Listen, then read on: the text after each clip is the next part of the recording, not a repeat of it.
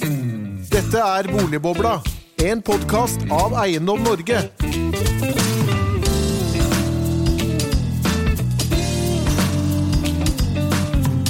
Welcome to Real Estates Norway podcast, Boligbobla, and this time the name Boligbobla, Housing Bubble, couldn't be more suitable due to our two distinguished guests, both well known for their relation to the term housing bubble. Our first guest is um, airborne directly from Washington, D.C., and representative from the International Monetary Fund, uh, Mr. Jack Miniane. Welcome. Thank you. So you are the you are the missions chief for Norway. So we're very happy to have you here, both for the conference, uh, Real Estate Norway conference, and this podcast. And even though you guys maybe not have uh, characterized the Norwegian housing market as a bubble, you have at least, as I've registered since 2011, said that the Norwegian housing market is overvalued. More about that later. It's a great honor to have you. And our second guest uh, is an acclaimed Norwegian economist and researcher, and uh, also for the Norwegian public. You're well known for your PhD uh, on housing bubbles and how to uh, identify them. Uh, Andre Anundsen, welcome to you. Thank you. Thank you. Uh, and congratulations with the new position at the Housing Lab. Thank you so as much. Deputy Head of Research. But uh, first, uh, Christian, uh, could you give us an update on the Norwegian housing market and how this development corresponds with our own predictions for 2019? Yeah, we're approaching the end of the first quarter in uh, 2019, and the simple summary of the market is that it's solid, well functional, and uh, stable in price terms. As I've been talking about several times, we ended up with a price development in the housing market in 2018 for the first time in many years, close to the price uh, development in society in general. And uh, this is good news. Uh, this is something we rarely see in the Norwegian housing market, and the trend continued in January and February. And the impression from our members, the real estate companies, this is continues also in March. Uh, what was also the big headline in 2018 was a record number of transactions in Norway for the first time over 90,000 in the used housing market and quite high uh, in the in the dwellings as well. And this trend has also continued in 2019. Uh, we had a record in January, February, and in March as well. It's a, it's a high number so far, and it's only a few days left, so it will be high. And um, what is interesting as well is that um, the number of new listings uh, in March is very high. So the market is uh, the supply side in the used homes is uh, is uh, has been high through uh, all of 2018, but it's uh, still on a very high level. Our forecast for 2019 was similar to the price increase in uh, 2018 on 3%. In fact, we're ex expecting a small increase in March, and then we have taken out the forecast in 3% already in the first quarter. And if you're not following the market closely, uh, you think, oh my God, it's uh, increasing uh, double digit again. But uh, this is this is normal in Norway. The the increase in the housing price is coming in it. Seasonal effect, Yeah, three four uh, first months. Uh, usually it's higher in April than it's in December. So so this is normal, and uh, we are close to schedule uh, in our forecast, and uh, I think we'll we'll have a, a, a soft landing in the in the market uh, 2019 as well, in uh, uh, close to our forecast in three percent. So. This is interesting and this is uh, good news. To comment briefly on the ori- original differences, what is common for the four largest cities uh, is that the supply side is large. It's a higher supply side in all the cities. And actually, the, if you compare to our number of transaction and listing uh, and so, uh, etc., it's lowest in Oslo, where the high and where it's the highest prices.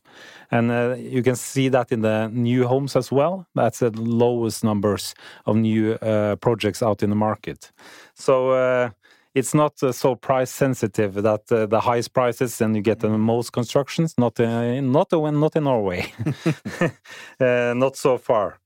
And what is interesting as well is that um, what we've been used to the last years is a very major regional differences in the price development. This is not as correct in 2018 as it has been since 2014, uh, 15 and 16. It's more similar. Yeah. Uh, so the supply side, uh, we're going to talk more about that uh, today, but the supply side is important for the regional differences, but the di differences is much smaller now than we have seen last year. So the, that sums up the markets. Mm, great, thank you. Jack, for, from a macro perspective, this must be great news or what? The house pricing is flattening? Yeah, so no bubble or what? Uh, well, first let me tell you a little bit, you know, why we at the IMF care about house prices. Yeah. You know, we don't care about as investors or developers. Uh, you know, we care uh, because we care about macro stability. And, uh, you know, we have seen uh, very clearly in 2008, 2009 that the combination of very high uh, house prices, high household leverage, bank leverage uh, can have very, very negative consequences on the macro, you know, if, if those prices give. And in Norway, prices had been growing very fast until 2017.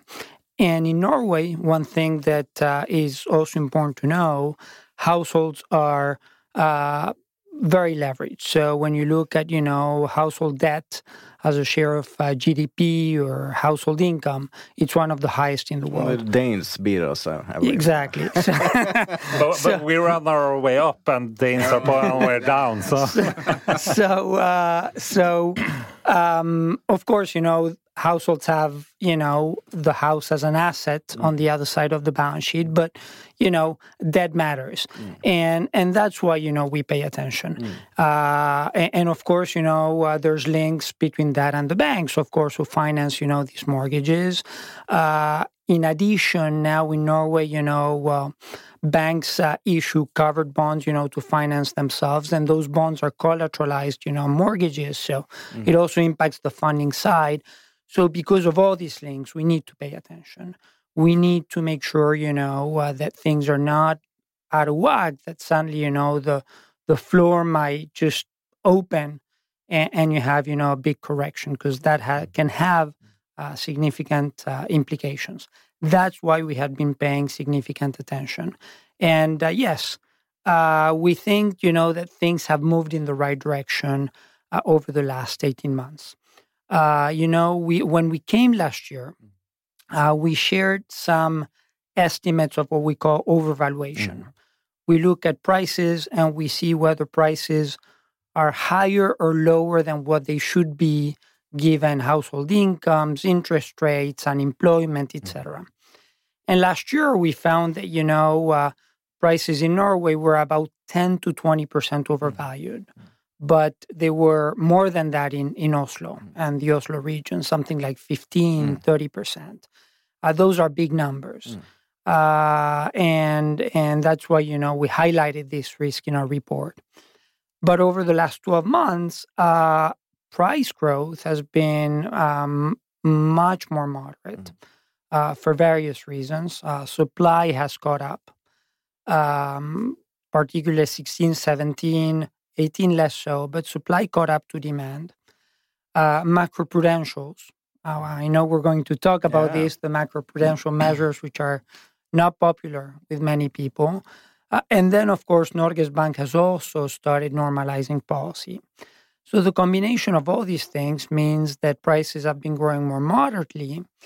And uh, we've very recently updated our, our estimates of overvaluation and they've come down because uh, you know uh, household incomes have continued to grow, unemployment is very low, uh, but prices are not growing as fast. So all in all, uh, last year we thought that for Norway prices were overvalued between ten and twenty percent. Say now it's more like zero to 10 mm-hmm. and in Oslo we thought it was fifteen to thirty, approximately. Yeah.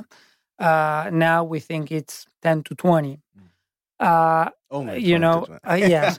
Look, um, I know that uh, Andreas is a great specialist. He's written a mm. lot about overvaluation. So he knows much better than mm. me that these models have a lot of uncertainty. Mm.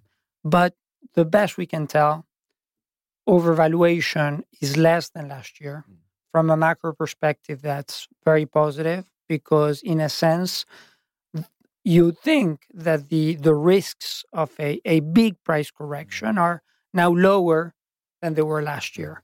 Uh, doesn't mean it cannot happen, but they're lower, and that, from a macro perspective, is is uh, uh, good good news. Um, so let me Great let me news. stop. Yeah. yeah. But but that describes an uh, overvaluation in uh, that shape Norwegian economy is right now, with um, people have solid work, there are increase in the wages. Um, so um, when you say overvaluation, this is in a in a peak in the Norwegian economy and the, the household's economy. Yes, uh, absolutely. And in fact, you know, I'm going to be speaking at the conference, uh, Real Estate Norway conference tomorrow. And one thing that I'm going to highlight is that actually Norway is different than many European countries. Uh, whereas there's a clear global slowdown, uh, the Norwegian economy is actually still, you know, growing pretty, pretty fast. All the indicators point, you know, that there's no slowdown, and in fact, you know, it's, it's really growing above what we consider it to be its potential limit. So yes, the situation is very good, but uh, as you mentioned, uh, there's plenty of risks out there. Mm. The global slowdown being one, uh, you know, uh, what that might do to oil prices being another, uh, Brexit, et cetera, et cetera. And so, sure, if the the the, mac- the macroeconomic situation were to turn, then suddenly the prices that we have now suddenly don't look as As Uh, healthy. Yeah. yeah, but let me let me repeat because this is important. I did not say that prices are undervalued relative to equilibrium, right?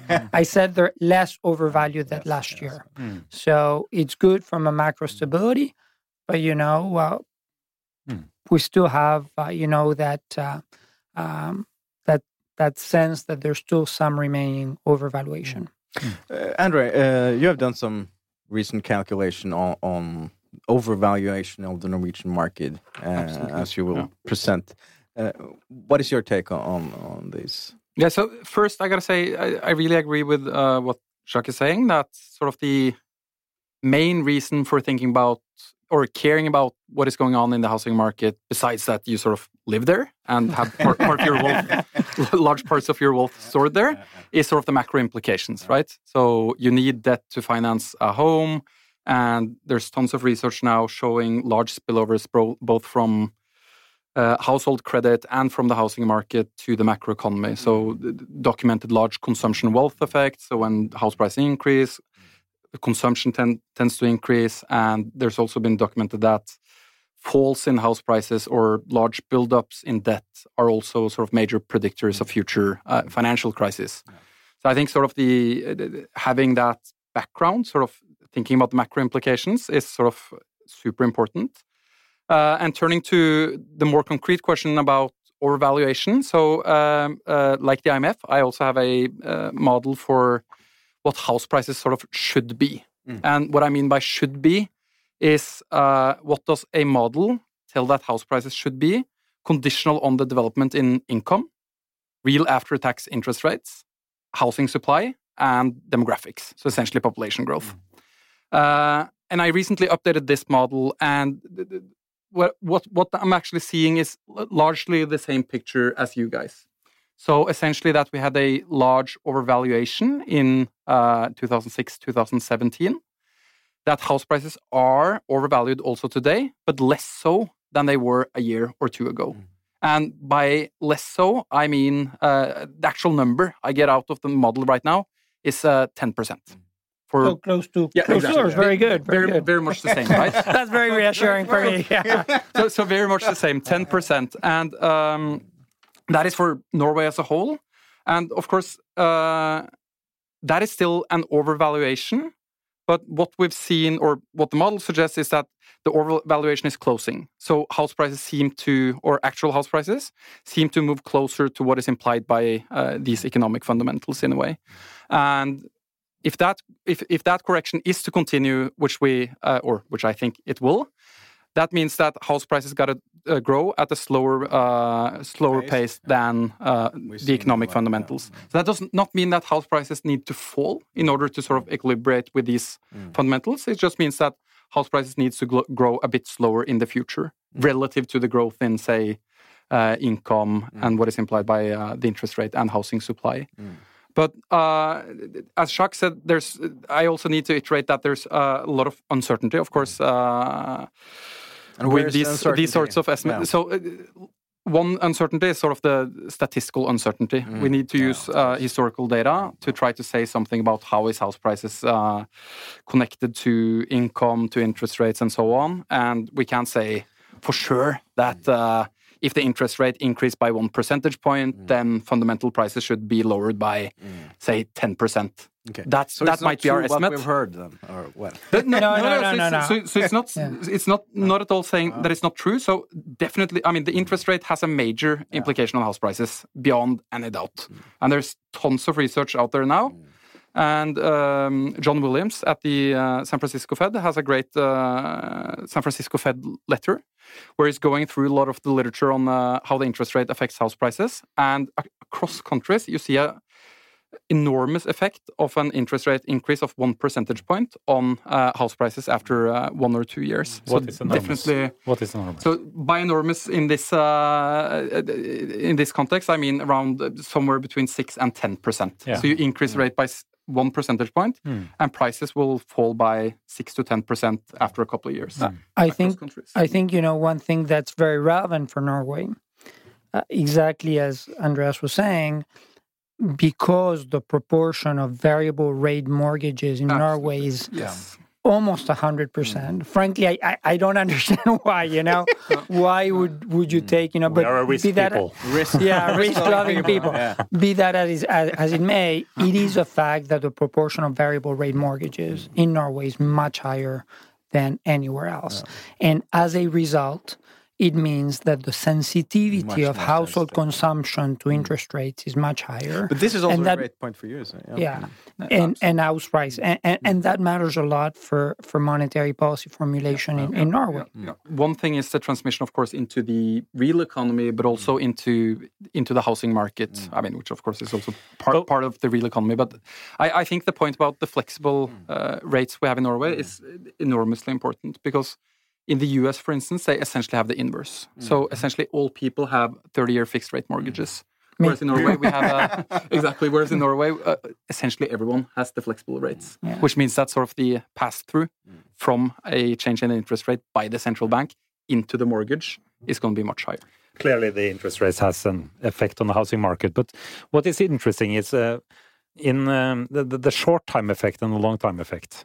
I, I get a lot of uh, journalists on the line uh, last week. Uh, Norges Bank uh, increased uh, the, the interest rates, and how is the market now because of this? Mm, it, No, it's no difference, of course. But um, but uh, you say one percent po- uh, point, and you say um, up to ten percent uh, decrease in the housing market. But in what term is a is a Yeah, so- twelve months, twenty four months? That's Yeah. that's So interesting. What I was referring to there is more at the say two-year horizon. Yeah. That's sort of the. I mean, so when you look at this study by John Williams, Mm. he's looking through different research articles, sort of estimating the effect at the one-year horizon, two-year horizon, and so on. And at the two-year horizon, sort of, it spans somewhere between say uh, a reduction in house prices of three percent Mm. and all the way up to eleven. But for the majority of the studies, people tend to find around uh, six to eight. But again, this will depend on what country you're considering, right? Yes. And Norway is at the upper end because of what we Absolutely, discussed. absolutely, and that's because the- of the flexible rates. But but another factor, of course, is also sort of the uh, what we call the su- supp- housing supply elasticity. Of course. But I one one more question um, because um, what is more common now? I, I worked as a real estate broker 15, 20 years ago. Mortgage regulations was no, uh, we didn't have that, of course. After the finance crisis, this is something been common not only in Norway but in Europe and the world as well. The interest rates have a direct effect because of the mortgage uh, requirements in a five to uh, loan to income and so um, all the other regulations. Ha, has there been any studies on that? Because it's an immediate effect uh, from the next loan uh, when the, the when the banks in, increase uh, interest rates. Yeah. It's a, Uh, you understand the question? I think your question, I think if I understand, tell me if I understand correctly. What you're saying is that now there's two transmission channels. Yeah. One is that interest rates go up and suddenly, you know, your mortgage service, the debt service bill goes up. Hmm. But the other is that because now mortgage regulations demand that banks do interest rate sensitivity mm-hmm. tests before advancing a loan, Exactly. Hmm. if interest rates go up, suddenly people are basically priced out of the market, hmm. so Yeah. to speak, from these tests. Yes, uh, uh and that's that's that's true. Hmm. But at the same time, uh, I I know we're going to discuss, you know, the the macroprudential mortgage regulations later, but but that's what you want, right? Because uh, y- you want to make sure that households, when they take a loan, especially on variable rate terms, as is the case in mortgage, can not only afford this mortgage at current interest rates, but can als- also afford it if interest rates were to go up. That that is something that, as policymakers, you want to be sure to give robustness to the system. But I agree that they introduce, you know, an additional sensitivity to to interest rates. Yes, and that uh, makes it more efficient. Um, uh, the interest rates have a more efficient uh, effect on the market to to the lower the market because uh, you have a roof what you can loan, and if the interest rate uh, goes up, the roof go, uh, doesn't go up. So uh, so that's an immediate effect. It adds to the transmission channel. Yeah. Indeed.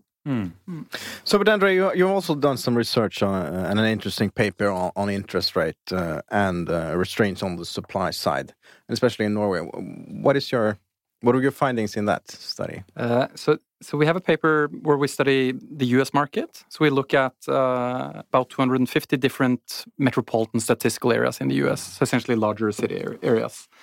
And what we're interested in is what happens to house prices a year, two years after uh, you get an increase in the uh, unexpected in- increase in the interest rate. And we also want to distinguish between whether there's a difference between increasing and lowering the rate. And what we tend to find is, first of all, that, well, lowering the rate increases house prices.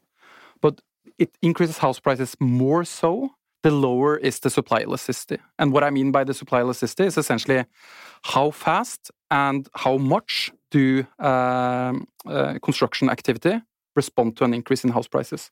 So Christian talked a bit about this at the beginning, that maybe uh, even though the price uh, increase has been larger in Oslo, it's been a relatively smaller supply increase than the other cities. And that could be maybe due to like a lower supply elasticity. So what we say is that these areas, these cities where the supply elasticities are lower, you expect house prices to increase more mm. when you lower the interest rate by say 25 basis mm. points, 50 basis points, or a percentage point. Uh, and then we also look at what happens when you increase the interest rate. And then essentially we find that the effect of increasing the rate is the same across different areas and it's independent of the housing supply elasticity. Mm-hmm. But we also find that for most areas, the effect of lowering the rate is larger than the effect of increasing the rate. That means that lowering the rate is extremely effective in sort of stimulating the housing market, if you want to call it that, or, or at least uh, increasing house prices, but relatively less so in lowering uh, house prices.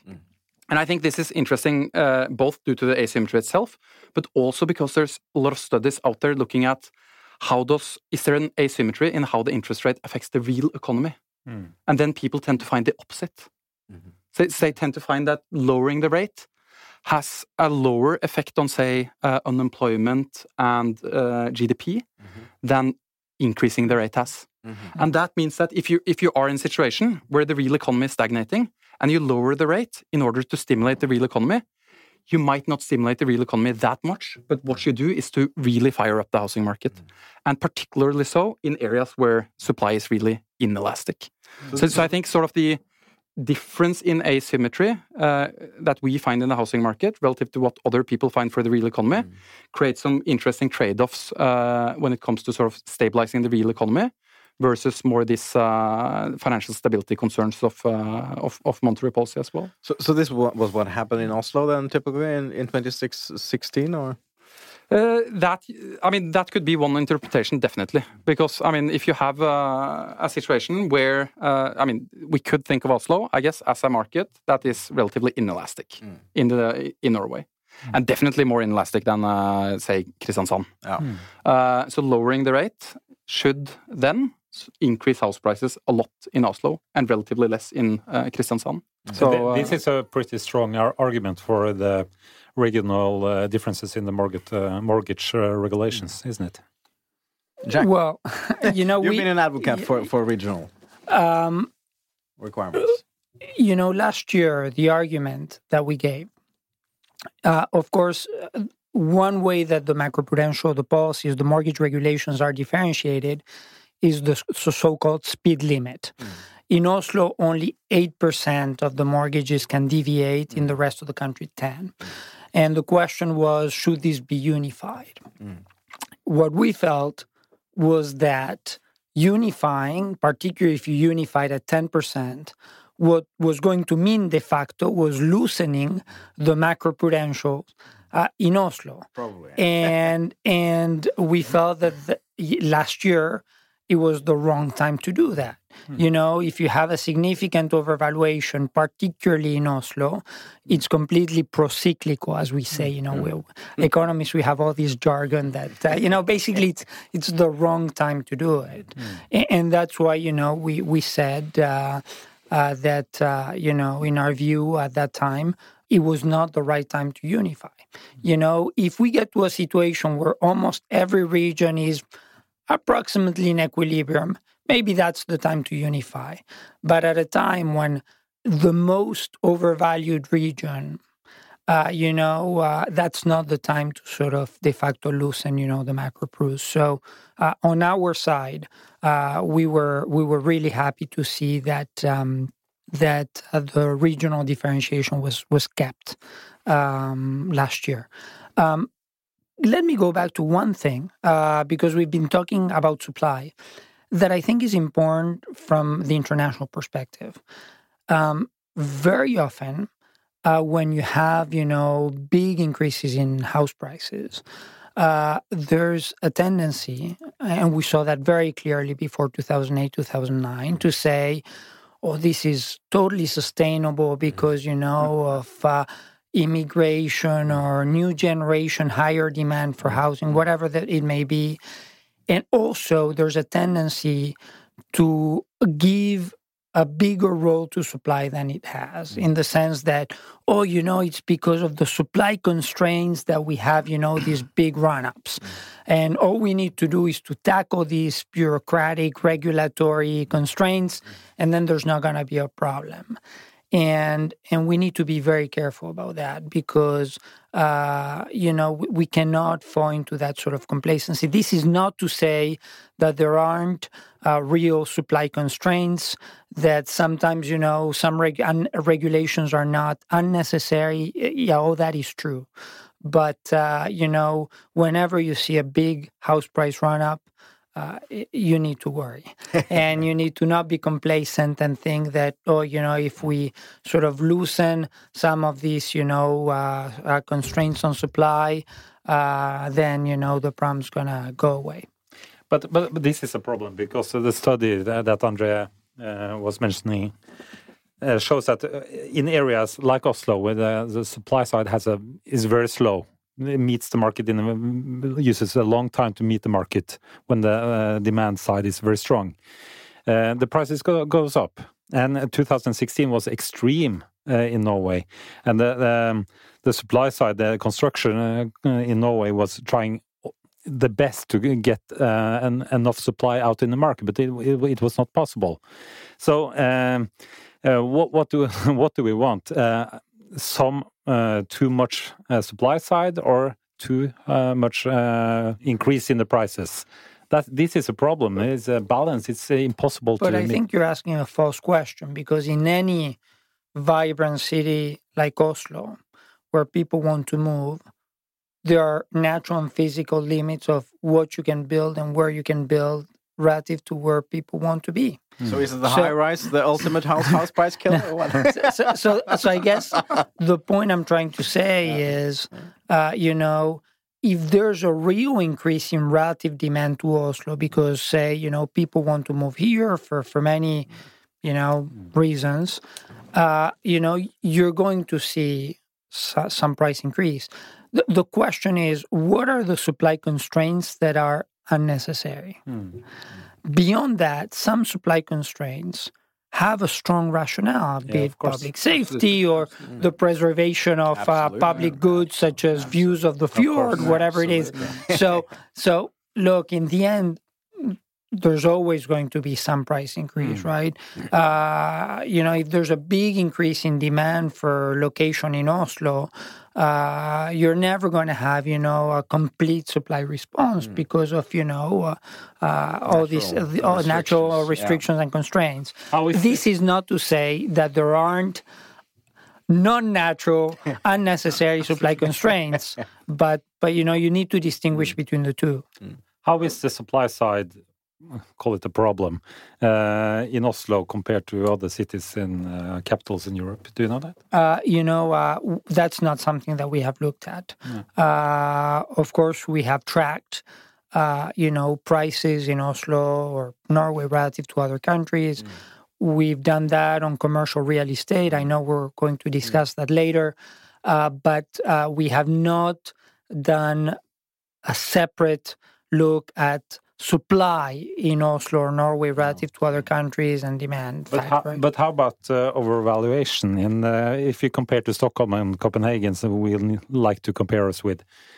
So, um, you know, I I'm in the Nordic unit at the IMF, so I sit right next to the Sweden team.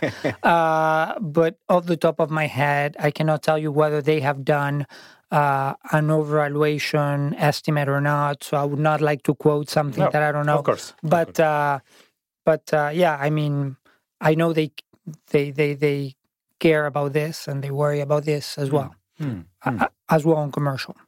So, but but you you mentioned that the risk in the commercial real estate is what you're going to look into now. What what is uh, what are you going to look into in that particular market? Okay, so um, again, why do we care first? Uh, you know, we care because uh, banks have significant exposure to uh, commercial real estate firms.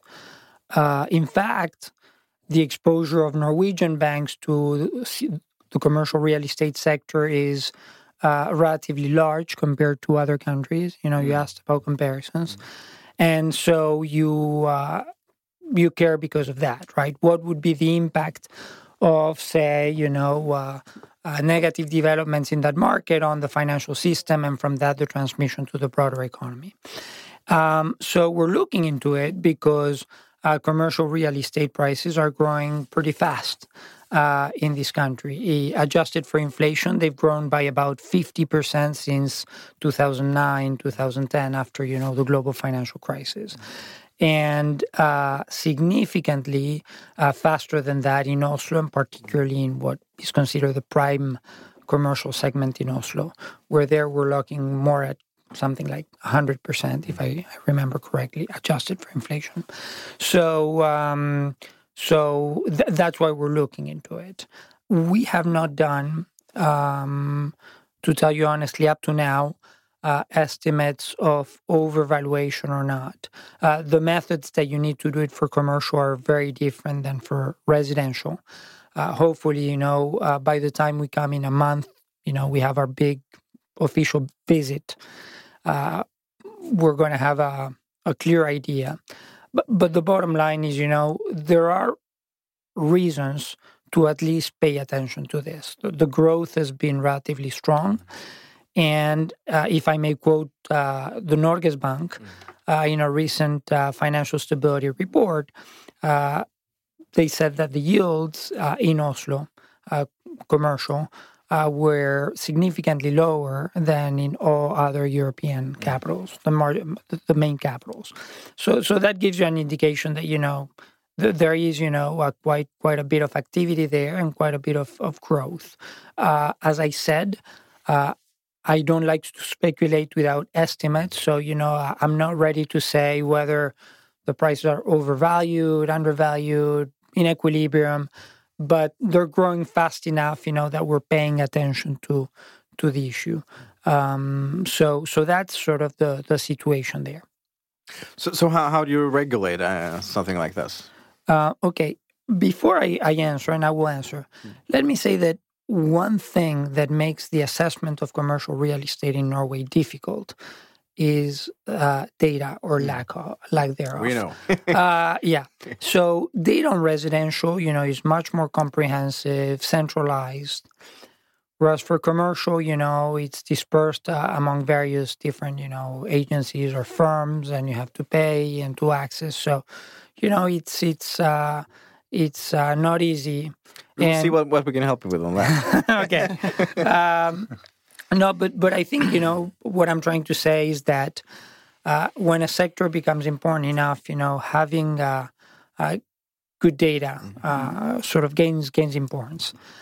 Just as um, there are uh, mortgage regulations, and I'm very happy, not not happy, but I'm surprised that you didn't ask about the mortgage regulations on residential, but I guess you will. But uh, just as there are mortgage residentials for, for residential, there are um, um, sort of measures uh, to control uh, commercial real estate. Uh, for example, you know, uh, um, I know that uh, the risk weights on commercial real estate lending by banks uh, have have been tightened in, in recent years. So that's one way that you can control it. Other ways that you can control it is you can impose, uh, say, loan to value limits on, on the Same borrowers. time, same as, uh, you know, as you do on the mortgage uh, regulation.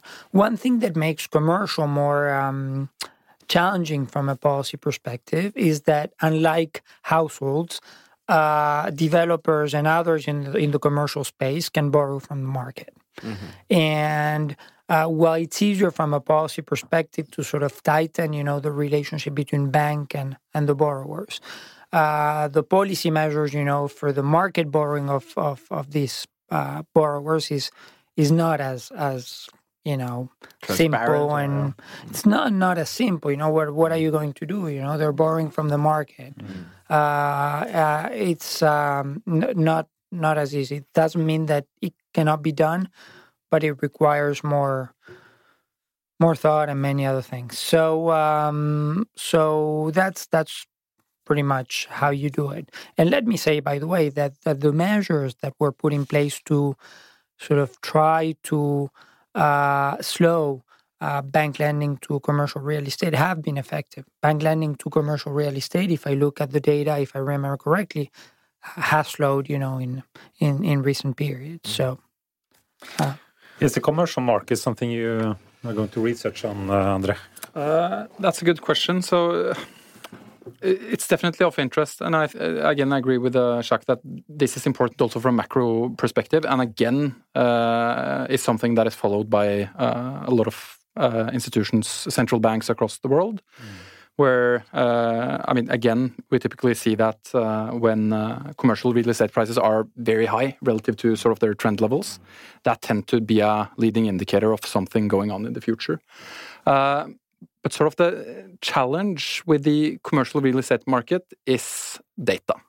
So there are, of course, some aggregate data, but getting more detailed data on on uh, commercial real estate prices would be important for uh, in order to make uh, or do uh, research projects on uh, on the commercial real estate market. there's two of us That's asking for more the two data. of you. Real So- so- Estate so- Norway should do but- something about but this, this. uh, with their. I mean, the question about yeah. data, I think is, I mean, it's not unique to Norway. I think sort of uh, co- commercial real estate data is lacking all, all around the world. Yeah. But getting access to detailed commercial real estate data, I think, would be super important in order to understand this uh, market in more uh, in more detail, and also sort of the interconnections with between the commercial real estate market, the residential real estate market. Thinking about if and if so, how we should uh, impose uh, macroprudential policies on uh, commercial real estate, or whether there's other ways of uh, regulating that market if we want to. L- let me say one thing that um, I think is really important to also mention because we've been talking a lot about the risks and the transmission. But one thing that needs to be emphasized is that against those risks, Norwegian banks have uh, really strong capital buffers. Uh, when you look at the capital position of the banks and the amount of uh, loss absorbing capital that they have, also on the liquidity side, not just the capital buffers, but the liquidity buffers, they're in a strong position. And so that's that's very reassuring and, and something that, you know, should should stay that way. And I have no doubt will stay that way. Uh, so uh, uh, that also has to be said because, you know, if we're going to highlight all the risks on Yeah. one side, uh, you know, we need to mention that uh, th- that's that's very positive. And you know, the FSA uh, has um, and others, uh, you know, uh, have done, I think, you know, a, a very good job there. Uh, so so that's that's important to note. But back to the mortgage uh, requirements, uh, will you still um, recommend regional uh, differences in the in the mortgage requirements? Well, first, let me say I, I don't want to say what we're going to recommend because we are meeting with the authorities in a month, and it would be unfair to preempt that that discussion. Absolutely. It would have been breaking news for us. but to say we were quite surprised because you know the, the, the financial authorities didn't recommend uh, regional Yeah. differences. So let me let me take a step back and and address one more general question, which is uh, many people say these mortgage regulations are really unfair. Uh, for example, they exclude young people from, uh, you know, buying real estate in Oslo or poor people, etc. They have welfare implications. That is true, but uh, it's also true that the number one obstacle for young or poor people to access the labor the housing market is very high prices yeah, you know? So uh, you also have to consider that. Another factor um, that we have learned very very clear uh, clearly you know after 2008 is that housing bust can have very large effects on the macroeconomy. And when you have very large recessions the ones who suffer the most and the most permanently are young cohorts and the least educated. And so to me, it's completely uh, one sided to say these mortgage regulations are, are unfair. Um, you know, uh, as I said, uh, for all these other reasons, you have to look into that and uh, the consequences of not having them on those who could be excluded, such as the young, the least educated, uh, could also be very large. And for us, very clearly, very, very clearly on balance, the risks or the cost of having the mortgage regulation was much less than the potential cost of not having them. Uh, but hasn't, was hasn't these mortgage requirements a bigger paradox in Norway, given the given the generous uh, housing taxation? Given the Norwegian yes. uh, generous uh, Norwegian housing taxation, aren't these types of requirement more of a paradox than compared to other countries? Well, I I think, you know, what I would say to that, and we've been recommending, we think that, you know, those tax preferences uh, should be reduced, uh, you know, because they uh, um, incentivize people to take on too much uh, debt and leverage. Well, we've been consistent on Yeah. that. Uh, but, you know, the tax system being what it is, uh, the idea that, you know, these mortgage regulations uh, should be abolished because of other costs to us uh, doesn't doesn't add up. Um, so Can I shoot in on the? Yeah, sure. So, so I think the uh, entire discussion about macroprudential regulation and uh, LTV debt to income ratios, as we have in, uh, caps on that uh, DTI, as we have in Norway. I mean, it's extremely important to take these discussions because if we say unfair, I think we need to think about what do we mean by unfair? Because the entire intention with imposing agree or not on imposing, but the entire intention with imposing these requirements is to exclude some people. So we shouldn't be surprised if some people are excluded when, when, we, when, when, when the intention is to exclude people. Yeah. Uh, be- because if the intention was just to secure sort of the stability of the banks, then you might as well increase capital requirements. Here you go directly on the household side and you impose requirements that will, by construction, exclude some people. So for me, sort of the question about fairness in this sense is Excluded. are, are you excluding uh, more people than you sort of should exclude? Whatever is meant by should.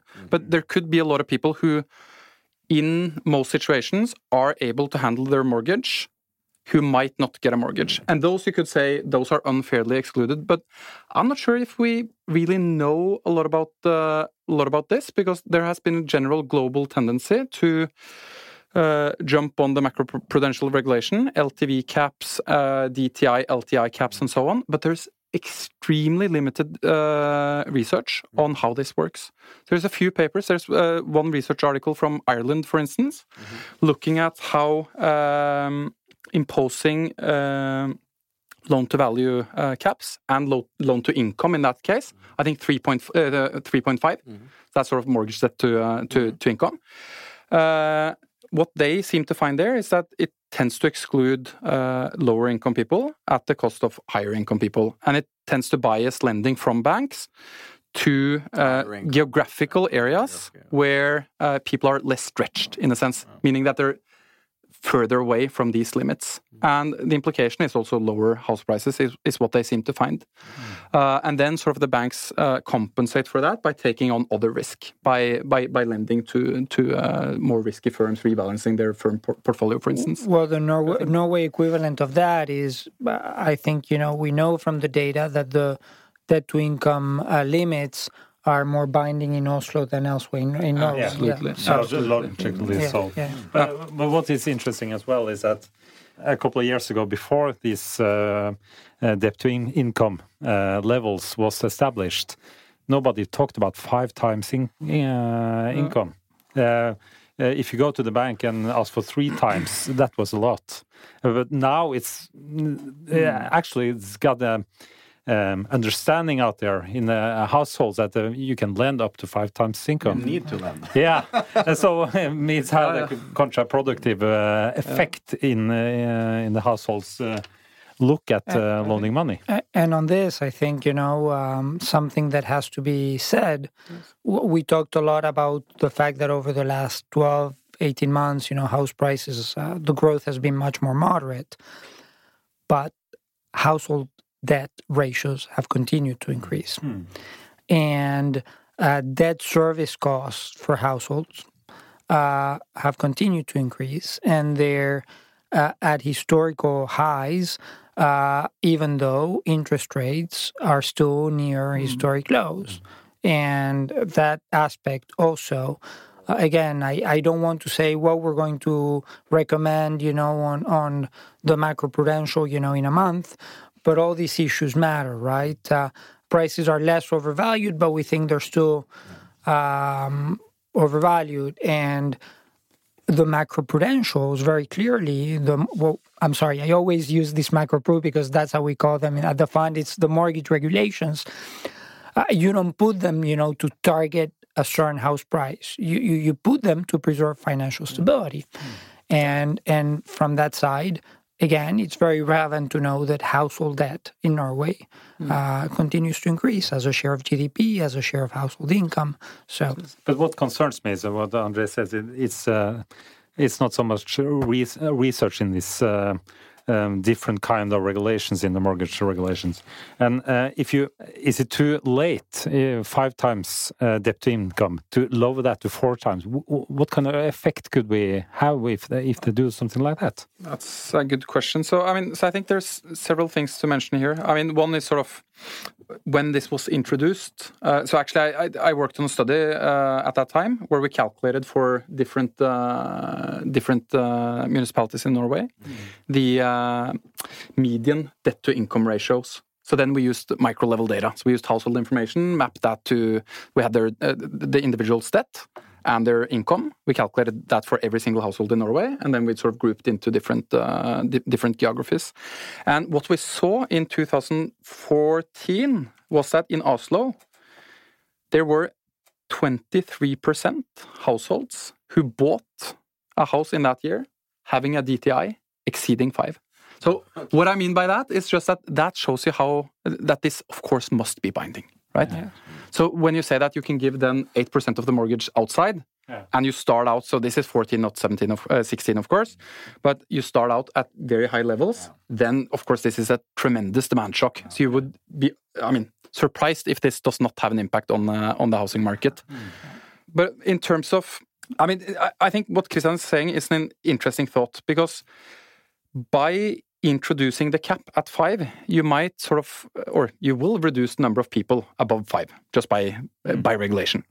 But you might also make people more conscious about the number five, and maybe sort of they they somehow uh, push their debt to the limit of five to a larger extent than they did before, and therefore, even though you sort of impose something to uh, constrain the number of people who have debt to, debt to income exceeding five, you might still have this increasing uh, in, in, incre- increasing So, uh, average debt to income ratios, Yeah, right? what you're saying is that uh, sort of uh, an unintended effect of the debt to income is uh, to convince people that oh well then five is safe if the government is saying you know.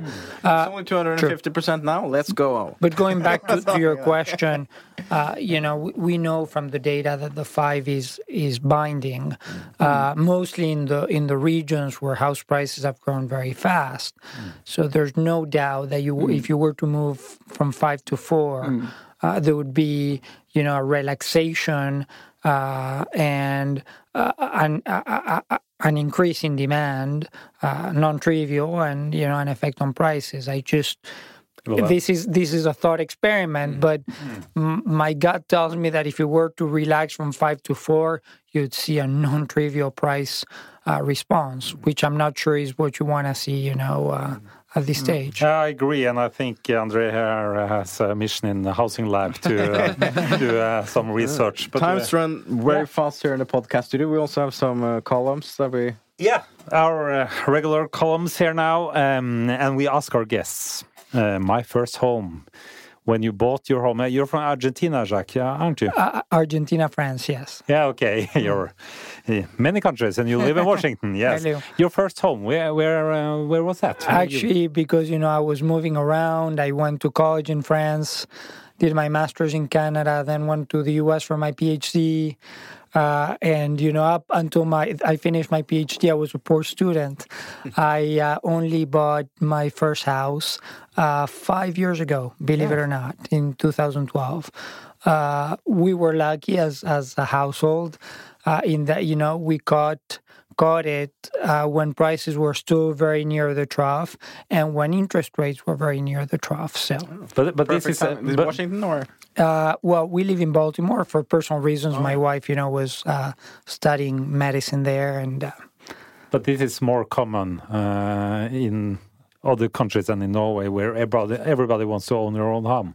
But uh, in many other countries, that's not so common. So, uh, so it's interesting. but let me say, thirty-year fix for me. Huh? No risk there. And Andre, your first home? When you asked about it, I started thinking, and uh, it should be relatively easy to remember because I only own two. Uh, but my first was 2010, uh, and it was an apartment uh, in Oslo, Ulven, actually, uh, where I lived for about three years. Uh, and then I moved out of the city and now to a larger place. Now I live in uh, Drammen. So that's my uh, second home. And I have flexible rate mortgage. So. Sorry, I said five years, seven years in 2012. Yeah. Yeah. We also have a bubble prize in each episode, and um, this time there's only one obvious uh, candidate, and it goes to the Labour Party for supporting uh, our statement to send the government's proposal for a new law on housing transactions in radical favor of the buyer back to the Ministry of Justice for further inquiry.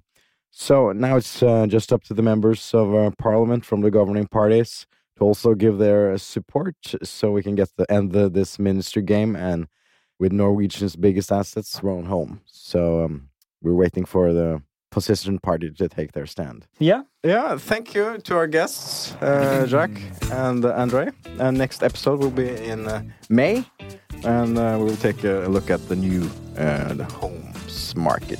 Thank you. Thank you, guys. Thank you.